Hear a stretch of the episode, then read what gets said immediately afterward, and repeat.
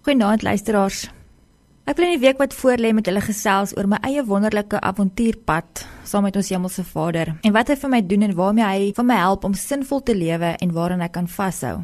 En as dit vir my sinvol is en ek daarin kan vashou, dan glo ek dat dit dalk ook vir julle kan inspireer of jou rigting gee of jou net weer help om sy stem erns te hoor of hom weer te beleef in jou lewe. Want hy is inderdaad met ons elkeen besig. Hy het ons mos gemaak en hy het 'n plan met ons lewe en hy droom oor ons lewe. So waar jy ook al in jou geestelike lewe is, hy is besig met jou. En soos wat hy met my 'n pad stap, stap hy ook met jou 'n pad.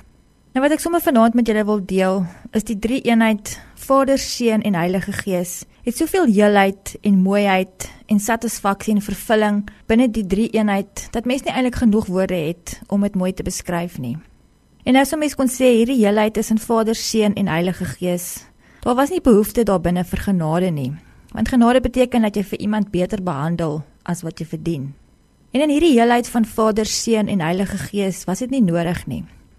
So wat het dan genade in God se hart na vore laat kom? Kom ons sê die Vader, Seun en Heilige Gees, wat het genade by die drie eenheid geïnspireer dat dit voort sou kom in realiteit in die wêreld sou word? Die antwoord op dit is is mense soos ek en jy se gebrokenheid, ons swakheid, ons foute, ons nie kan nie, ons nie in staat wees nie. Het gemaak dat die goddelike drie-eenheid sê, ek kan genade deel maak van hierdie aardse lewe. Daarom sê Johannes 1:17, die wet het deur Moses gekom, maar die genade en waarheid het deur Jesus gekom. So laat dit jou troos vandag as jy gebroken voel, swak voel, nie in staat is nie, as jy nie weet hoe nie. As jy die gebrokenheid in jou eie lewe en in die wêreld en in die land beleef, dan kan jy weet genade het 'n realiteit in hierdie lewe geword. Jy's vir ons wat nie kan nie. En daarmee wil God vir ons sê, ek is in jou en ek is by jou en jy's nie alleen nie. En daarom kies ek om in jou te wees, om in jou te bly en daarom kies ek om die Heilige Gees vir jou te gee sodat jy sinvol kan lewe.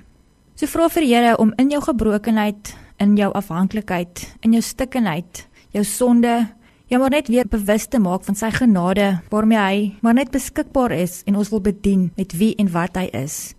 Kom ons vra dit vir hom. Vader, dankie dat u genade wat daar is, omdat ek 'n stikkende mens en 'n gewone mens is. Ek hou vas daaraan. Amen.